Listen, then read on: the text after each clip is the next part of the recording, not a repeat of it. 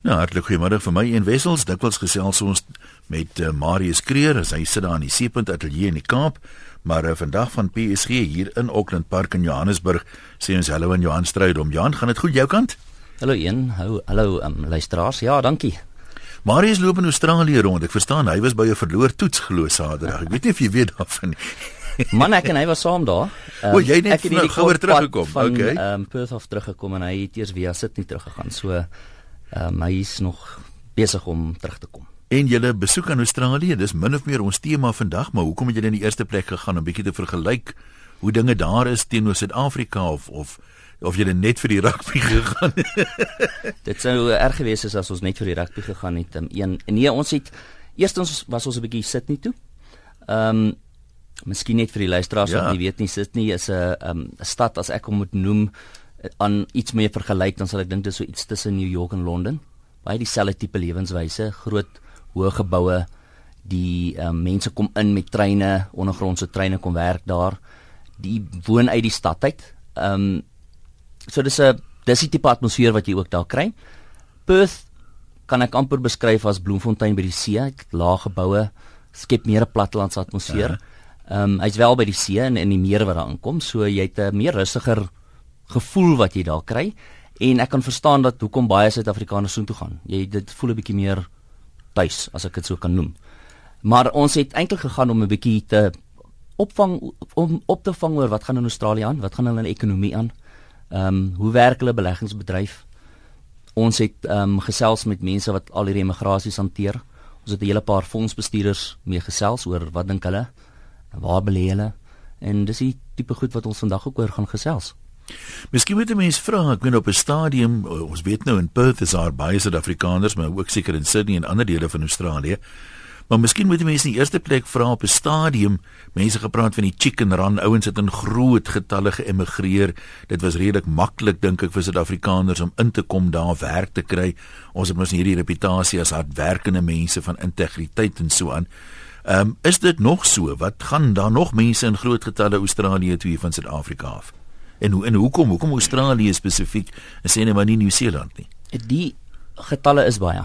Ehm um, maar ek dink nie meer so soos jy in die verlede sê in die verlede dit was nie.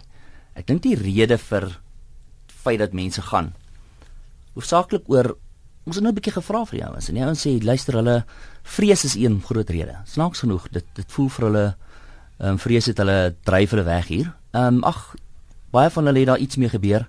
Dit bedoel mense nou half op 'n persoonlike vlak misdaad daai tipe ding. Korrek. Voel nie veilig nie. Korrek. En dan ander mense gaan sê maar daar's beter werksgeleenthede. Dit is dis ehm um, dis eintlik geleenthede snaaks genoeg vir hulle kinders. Ons het 'n hele paar mense gesien wat ons eintlik dink mense is bereid om swaar te kry, maar om te voel dat hulle kinders 'n beter lewe gaan hê. Ehm um, en en dit is dan natuurlik ook so dat daai mense nie weggaan weer nie want jy wil nie graag van jou kinders af wegtrek nie. Maar ek dink ou wat ou moet in gedagte hou wanneer ou enigstens oorweeg om te emigreer is en ons gaan nou net praat oor die lewenskoste. Dit is ou net omtrent so 15 of 20 miljoen rand nodig om jouself te vestig. En dit sal nou nou duideliker raak. So dis nie so maklik nie. Die ander ding is die gerief wat ons het dat ons altyd mense het wat in die huis werk en help. Daar is nie so iets nie. Jou minimum werkersloon is 45000 dollar. Nou die Australiese dollar is omtrent ons rand is omtrent 10 teen die dollar. So jy praat van min of meer 'n basiese loon van 450 000 rand.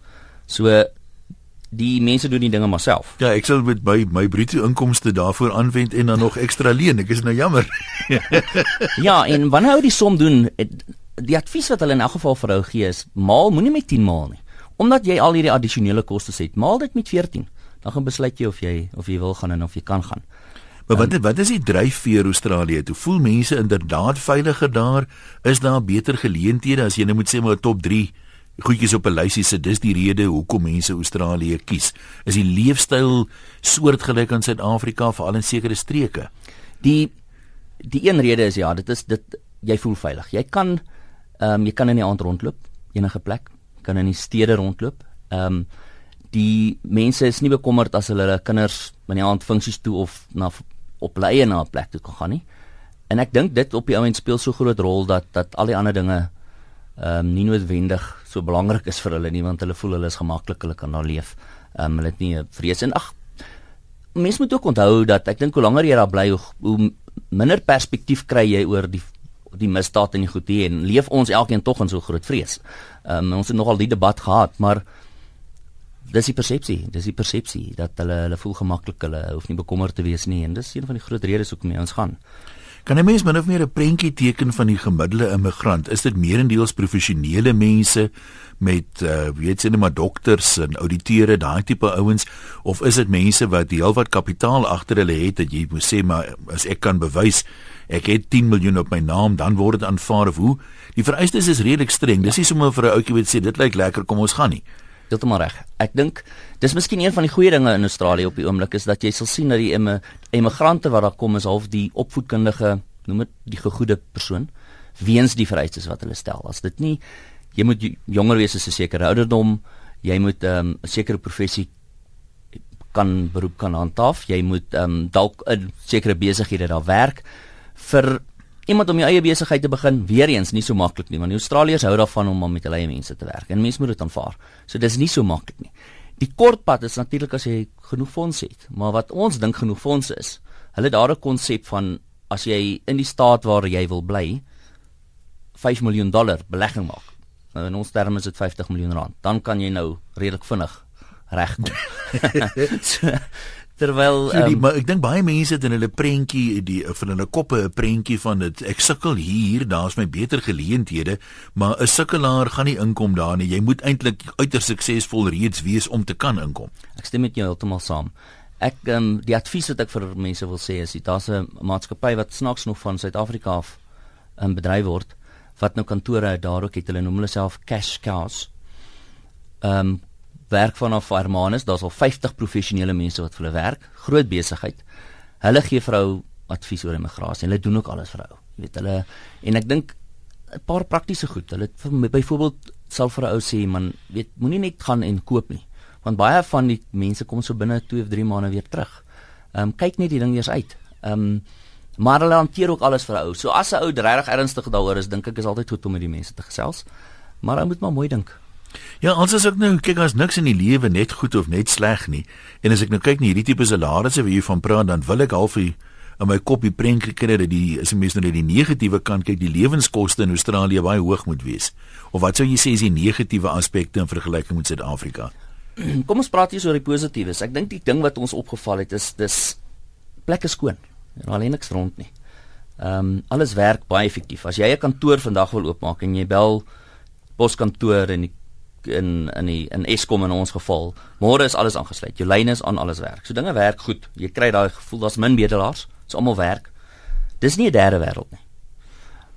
Die ouens is erg oor bedrog. Daar toe ons nou daar was, het daar geval wat net so rukkie terug vertel hulle vir ons van die New South Wales, hulle is mos nou maar in staat is, se ja. eerste minister.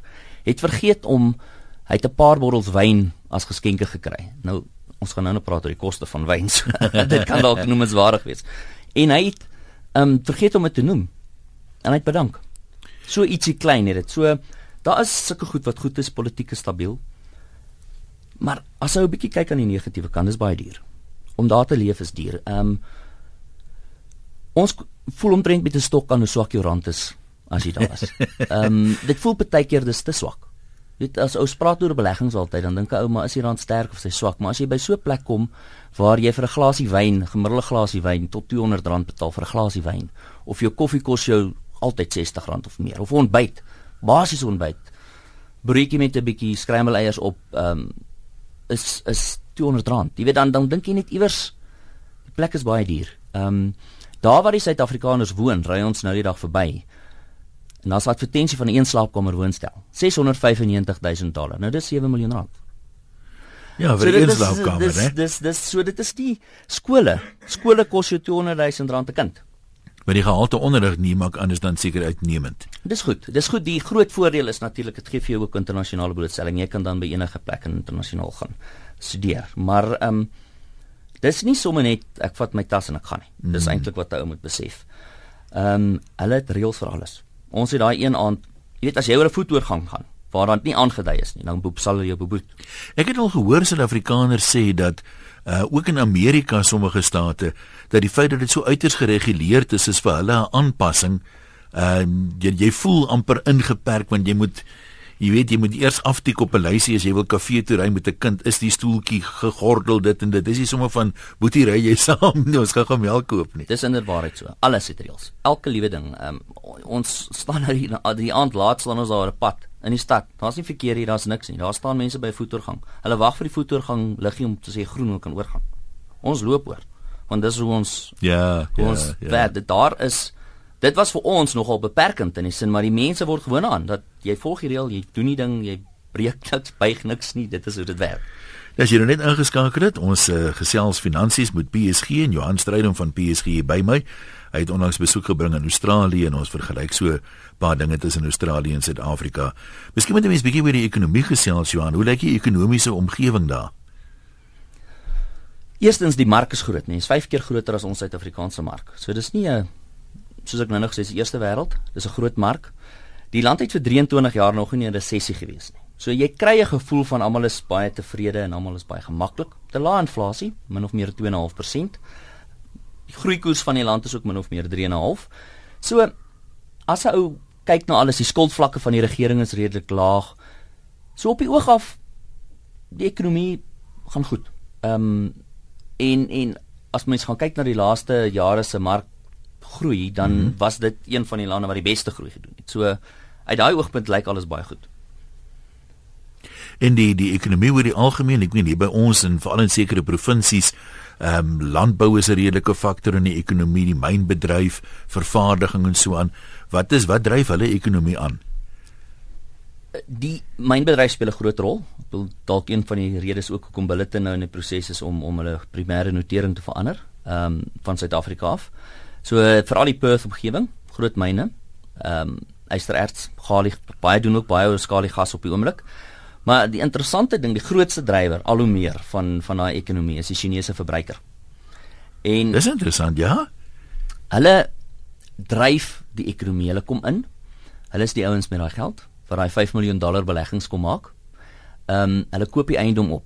Ons het oor die algemeen, soos ek nou nou genoem het van 'n eiendom, dit is vir ons Suid-Afrikaner en ons het met die ouens gesels, 'n bietjie van 'n bekommernis oor waar daai eiendompryse op die oomblik is. En die interessante ding is die regering sit ook nou met 'n kwessie dat alhoewel hy die rentekoers bietjie wou verlaag, hy kan nie, want hy sê die pryse is so hoog en hy wil nie mense aanmoedig om nog meer eiendom te koop nie. Want hier kom 'n probleem, jy weet, dis amper hier is 'n hier is iets aan die gebeur en dit is die Chinese wat inkom en dit opkoop.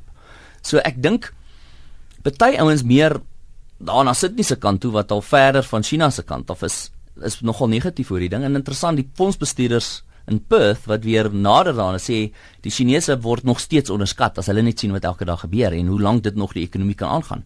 Die uh, gedagte was daai een fondsbestuurders daar um, van van ehm um, wat ons al gesien het in Perth het, hmm. het selfs so ver gegaan dat hy sê dit kan nog 'n dekade aanhou. Ek weet nie hoekom die mense daar aan die kant bekommer is oor die eiendom nie. So daar's groot wissel wisselende opinies ook oor oor Ja. Nee, maar jy weet as jy mens globaal kyk, ek meen ons ons mens lees gereeld van hoe geweldig aggressief China belê en uitbrei in Afrika byvoorbeeld, maar ek het nie besef in lande soos Australië is dat teenwoordigheid ook so groot nie. In my kop het ek half gedink hulle teiken nou die ontwikkelende markte hier om hulle te posisioneer vir toekomstige groei en daai uitmunt te slaan. Ons het nie regtig gesien dat daar so baie noodwendig ehm um, beleggings van die Chinese regering of China is nie, maar die verbruiker is daar. Is nader aan hom. As jy ja. so hulle kom daar, hulle kom woon daar, hulle kom spandeer daar. Maar wat lok wat lok hulle soen toe van Hong Kong af byvoorbeeld. Ek meen dis tog ook eerste wêreld of is dit is ja, die leefstyl 'n bietjie Ja, ek dink nie noodwendig soveel van Hong Kong af ja. nie, meer van China die Maar is die leefstyl vir hulle aantrekliker byvoorbeeld en hulle kan dit bekostig dan natuurlik. Korrek. Ehm um, dit is hoofsaaklik die die die rede hoekom hulle kom, ja. En die Australiërs, hoe sien hulle die res van die wêreld? Ek meen hier hoor jy dikwels dit finansiële ouens sê belê in buitelandse aandele. Ons het ons sienings van sekere markte. Hoe kyk hulle daar van Australië se kant af byvoorbeeld na ons en ander markte? Die Australiërs bly in Australië. Dit is ons grootste enkele ehm um, opmerking of aanmerking wat ons gekry het ons daar wat ons opgeval het is dat as ons praat met die ouens, hulle is gemaklik om daar te belê en en nie eintlik te veel te bekommer oor die res van die wêreld nie. Inteendeel, daar's nou as ons begin praat met die adviseurs, dan begin hulle nou kyk en sê, "Ons miskien 'n bietjie in die res van die wêreld belê." Ons het spesifiek vir hulle gevra oor oor Suid-Afrika. Ehm um, hulle wil nie in Suid-Afrika belê nie. Ek dink uh, hulle sê hulle voel politiek is nog 'n bietjie onrustig teenoor Wale. Hulle sien meer geleenthede soos hulle sê noord van die Limpopo. Die verder glo hulle die Asië, die Chinese omgewing en hulle sal selfs daarin gaan belê as hulle in die buiteland belê. Maar ons ondervind dat die meeste van hulle belê in Australië, in Australiese eiendom en Australiese aandele en dan kontant. Nou, klink dit is lekker daar, ja. klink my. Ons het nog gepraat oor die ekonomie en so aan. Miskien moet mense 'n bietjie meer kyk na die die finansiële dienste bedryf. Ehm um, hoe spaar mense byvoorbeeld vir iets soos aftrede in Australië? Gebruik hulle dieselfde instrumente as hier of is daar beduidende verskille? Hoe voel hulle oor aftrede? Minder Die ander van wat mis, miskien reg in die begin moet vra, ek meen by ons weet ons dis minimum mense wat finansiëel onafhanklik kan aftree. Die persentasie daar wil 'n mens hoop is darem 'n bietjie groter in die eerste wêreldlande of hoe. Een hulle doen moeite om die uh, mense aan te moedig om te spaar en veral vir aftrede. Hulle het byvoorbeeld 'n uh, wat ons nou as 'n pensioenfonds sal noem, het hulle nou verplig, hulle noem dit superannuation fund. Wat noem dit nou maar pensioenfonds is wat elke werkgewer en werknemer moet bydra aan dit. Hulle moet 'n minimum van 9.5% van hulle inkomste bydra. Daar was groot debat want dit nou na 12% opgeskuif word om dit so bietjie te wag en die verbruiker kry ook maar swaar, hy moet so bietjie wag voor hulle dit inbring. So die ouens word verplig om hierdie goed by te dra. En die ander ding is jy kan nie jou hande op daai fondse lê voor aftreedatum nie. Dis mos nou een van die probleme wat ons het. Mense gaan ja. werk vir 'n werkgewer en dan skuif hy na 'n ander ou toe en dan vat hy die geld en gaan koop 'n yskas wat hy nodig het en dan tree hy eendag af en dan het hy nie eintlik 'n klomp jare en 'n klomp fondse nie. So hulle verhoed dit. Die interessante ding wat hulle daar gedoen het, hulle skep dit nou noem dit 'n selfbestuurde aftreefonds. So kleiner werkgewers kom en skep 'n pensioenfonds vir net sy maatskappy en dan bestuur hulle dit self. Nou dit op sigself bring 'n bietjie risiko's in want wat ons agtergekom het omdat eiendom so gewild geraak het met die Chinese wat aankom het jy die vermoë om binne hierdie selfbestuurde aftreefonds 'n beleggingseiendom te koop. So, kom ons vat nou ons bedryf. Jy woon in jou huis en nou wil jy 'n woonstelletjie koop wat iemand mos nou verhuur en ons almal het mos nog altyd gedink dis mos nou die maklikste manier om 'n klomp fondse bymekaar yeah. te maak. As jy hier en die jou wat sê jou huurder betaal jou verband af en alles word werk net altyd reg tot alles verkeerd yeah. gaan. nou as gevolg van die kapitaalwaarde wat daar gaan het, is dit hulle risiko dat hulle koop die eiendom te duur Maar dis lekker, jy kan hom binne die aftree produk koop. Jy kan hom verhuur, jy kan teendeel jy kan 'n verband teen hom gaan registreer. Ehm um, wat dalk interessant is, neem te dink die ja, aftreefonds ja. kan dit so doen. So die ouens gebruik dit. Ons dis vir ons 'n bekommernis omdat ek dink nie hulle besef die risiko's verbonde daaraan nie. Maar die voordeel van die aftreebedryf daar is dat dat hulle word verplig om almal daaraan te behoort en nie jou geld te vat vroegtydig nie. Um, wat ek dink 'n baie positiewe ding is. Nou as mense kyk na regulering op verskillende vlakke, ons het net gepraat van ag reëls en goed soos mense wat weet oor die pad stap daar, uh is almal baie bewus van die reëls. Hierdie fondse wat hulle so self bestuur, is dit net so gereguleer of is daar net 'n 'n paar riglyne? Want kyk jy by ons ja. byvoorbeeld mag jy nie meer as dit in aandele belê nie, sekere persentasie moet hier en daar wees om die verbruiker te beskerm. Is daar soortgelyke riglyne daar? Dis 'n interessante ding, daar is nie. Ehm um, ons sou gedink het ons praat vir hulle van ons regulasie 28 wat sê jy mag moet 'n minimum van 25% ja. in rente belê. Jy mag nie meer as 25% in die buiteland nie. So raai om die kliënt in 'n aftreeproduk te beskerm. Daar is dit glad nie. Ehm um, jy kan doen wat jy wil. Jy kan alles in kontant, jy kan alles in aandele. Ons koop direkte aandele. Soos ons sê, die grootste probleem is die mense is nou besig om skuld teen hulle teen hulle beleggingseiendom want almal wil nou eiendom in hierdie ja. produk koop. Dit skep natuurlik 'n groot geleentheid vir advies vir finansiële advies. Ehm um, gebruik hulle adviseer soortgelyk aan ons. Is jy ewe knie daar? Byvoorbeeld. Ja, ja, daar is, daar's baie bankmakelaars. Ek bedoel as ons praat van ons ewe knie wat al hoe meer gebeur is, die groter besighede begin kleiner makelaars soos hulle so kan noem uitkoop om bietjie meer ehm um, groter instansies te wees. Die ouens daar belê hoofsaaklik in effekte trust. Individue, die gedagte van direkte aandeleportefeuilles aan individue is eintlik nog word nog nie so aktief gedoen nie en soos jy weet uit ons gesprekke uit ons doen dit vir ons kliënte ons glo die kombinasie is die regte antwoord. Ja. Ehm um, so ek dink daar's baie om te doen, maar die groot ding is die die gedagte dat daar adviseer kan wees om beplanning te doen wat ons kan sien die mense wat nou soort soort van hulle pensioenfonds nou self bestuur is besig om op 'n pad te gaan wat vir hulle gaan seermaak. So die mense sien steeds nie die hele prentjie altyd in perspektief nie. Baie keer is mense mos geneig om op 'n 'n aspek te konsentreer, maar hy kyk nie na die totale prentjie. Uh, is dit maar daar ook nou 'n probleem dan nog? Jy's heeltemal reg. Die interessante ding die een fondsbestuurder wat ons gesien het, toe ons nou vir hom vertel wat ons doen, waar ons se kliënt eers leer ken, verstaan sy behoeftes, dan seker maak ons kan verstaan wat die risiko's wat 'n kliënt behoort te neem dan met hom te praat oor 'n persoonlike beleggingsoplossing wat natuurlik diversifikasie gaan insluit. Toe ons dit vir daai persoon praat en hy sê aandelemakelaar. Toe sê wie wat ek dink ek het ook adviseer nodig. Want ek konsentreer op een element, ek gaan kyk na hierdie aandele, na hierdie maatskappye, maar ek vergeet van die strategie en die groot prentjie. Ek bedoel ons praat nou nou oor die rugby. Ehm um, Heineke Meyer het gesê een van die goed wat hy nie kon doen Saterdag nie was as gevolg van Brande Banne wat toe af is. Kon hy nie sy strategie volg om met sy met sy um, impak spelers. Ja, ja. Strategie is alles en as ou nie daai strategie het nie, dan weet jy nie regtig waarna toe jy gaan en hoe jy daar moet uitkom nie. En ons het besef ons dink eintlik ons is 'n bietjie voor ehm um, deur die prosesse wat ons volg met die ouens.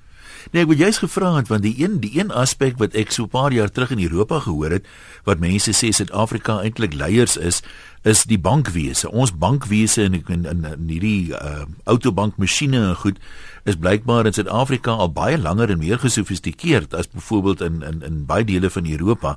So as jy nou so uh, terugkyk na Australië, toe is daar lesse wat jy kon leer of as jy nou moet sê ons finansiële dienste bedryf oor die algemeen is dit op dieselfde vlak of dalk selfs hoër as Australië se. Ons is baie gemaklik dat ons nie agter is wat wat die finansiële diensbedryf betref nie. Ons is ook ehm um, baie gemaklik dat ek dink ons baie met kliënte stap wat daai ouens nog nie doen nie. Ons kry die idee dis meer produkte wat wat hulle bemark. Ons het nou gepraat oor die bank en die bankmakelaars.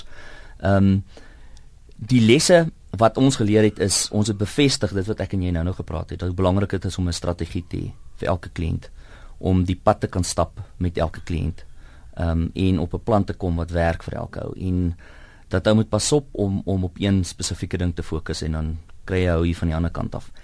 Ehm um, en een dit is ook hoekom miskien as jy nie omgee dat ek dit ja, noem nie dat dat ons spesifiek nou weer 'n reeks kliënte aanbiedings het. Ehm um, vir ons kliënte. Ons het maandag ons eerste daar in Pretoria in die Atterbury teater. Ons het oggendsessie en 'n aandsessie en daar praat ons weer oor wat is die strategie? Die onderwerp van daai aanbieding is kan mens nog waag om te belê? En hoe lyk die werk omgewing? Ons het 'n hele klomp kliënte wat kom maar uit die aard van die saak is daar mense is luisteraars is wat dalk lus is om te kom luister. Kan hulle gerus daai nommer bel wat jy gesê het? ek gaan nou die nommer inhaal. Moet mense PSG bestaande kliënt wees of is dit vir potensiële mense wat voel hulle wil meer weet oor beleggings in die algemeen ook uh, toeganklik. Die doel vir hierdie aanbieding hoofsaaklik was vir ons bestaande kliënte, maar ons is ons brei dit uit na ons mense wat nog nie 'n kliënt is nie. Iemand wat wil kom luister, wat voel wat eerstens ons wil leer ken en tweedens ons strategie wil sien en wil sê as hy gemaklik en leer hy daaruit iets. So dis nou maandag die 15de September hier in Pretoria en dan het ons in George die 23ste Oktober ook een in Kaapstad die 24ste Oktober. So mense is regtig welkom, hulle moet ons maar net bel. Is daar koste aan verbonde? Daar is geen koste nie. Kom kom leer, kom kuier, kom kom luister. ja, maar al net gou vir ons vinnig die die venues want mense bel altyd agterna en sê waar is dit nou weer? Is hier een in my streek ook die eerstes is by Atterbury? Dis nou maandag, die 15de September by Atterbury Theater en daar is 'n oggendsessie en 'n aandsessie. En dan die 23ste Oktober het ons in George is ons daar en dan die 29ste Oktober is ons in Kaapstad. So ons ons gaan so 'n bietjie wyd rondry met na ons kliënte en en ook natuurlik soos ek gesê het voornemende kliënte. Die nommer net miskien weer is 086 134 8190 en dis dieselfde nommer eh, wat jy nou nou genoem het. Nou dis altyd die nommer as ek met Marius praat, dan sê ons jy kan die nommer skakel, kan 'n mens by jou nou dat jy vandag gepraat het, mense wat wil by jou gesels by dieselfde nommer, kan jy basies by lyk like my almal by PSG uitkom as jy net vra watter area en so. Daai nommer is ons spesifieke kantoor se nommer waarvan ek en Marius en 'n paar ander nog vennote is. En Helen ah, okay. sal die persoon wees wat die oproep neem en dan dit verwys na ehm um, met wie die kliënt wil praat. So hulle is baie welkom om my te skakel by hierdie nommer ook vir enige vrae. Nee, jy wil nie jou uitlaat oor ons kans sit in die All Blacks hierdie Saterdag. Lees maar die krant lees, jy gaan ons daar praat net nou. ja, toe. Johan Strydom van PSG, baie dankie vir die kuier. Heel insiggewend soos altyd. Dankie, en hopelik kan ons eendag daar weer gesels. Groete. Dis aan RSG Finansies moontlik gemaak deur PSG Wealth Silver Lakes in George Central en net die nommer om te skakel as jy wil bespreek vir daai ehm um, kliënte aanbiedinge bietjie meer hoor oor kan 'n mens nog waag om te belê? Of algemene finansiële advies is 086 134 8190 086 134 8190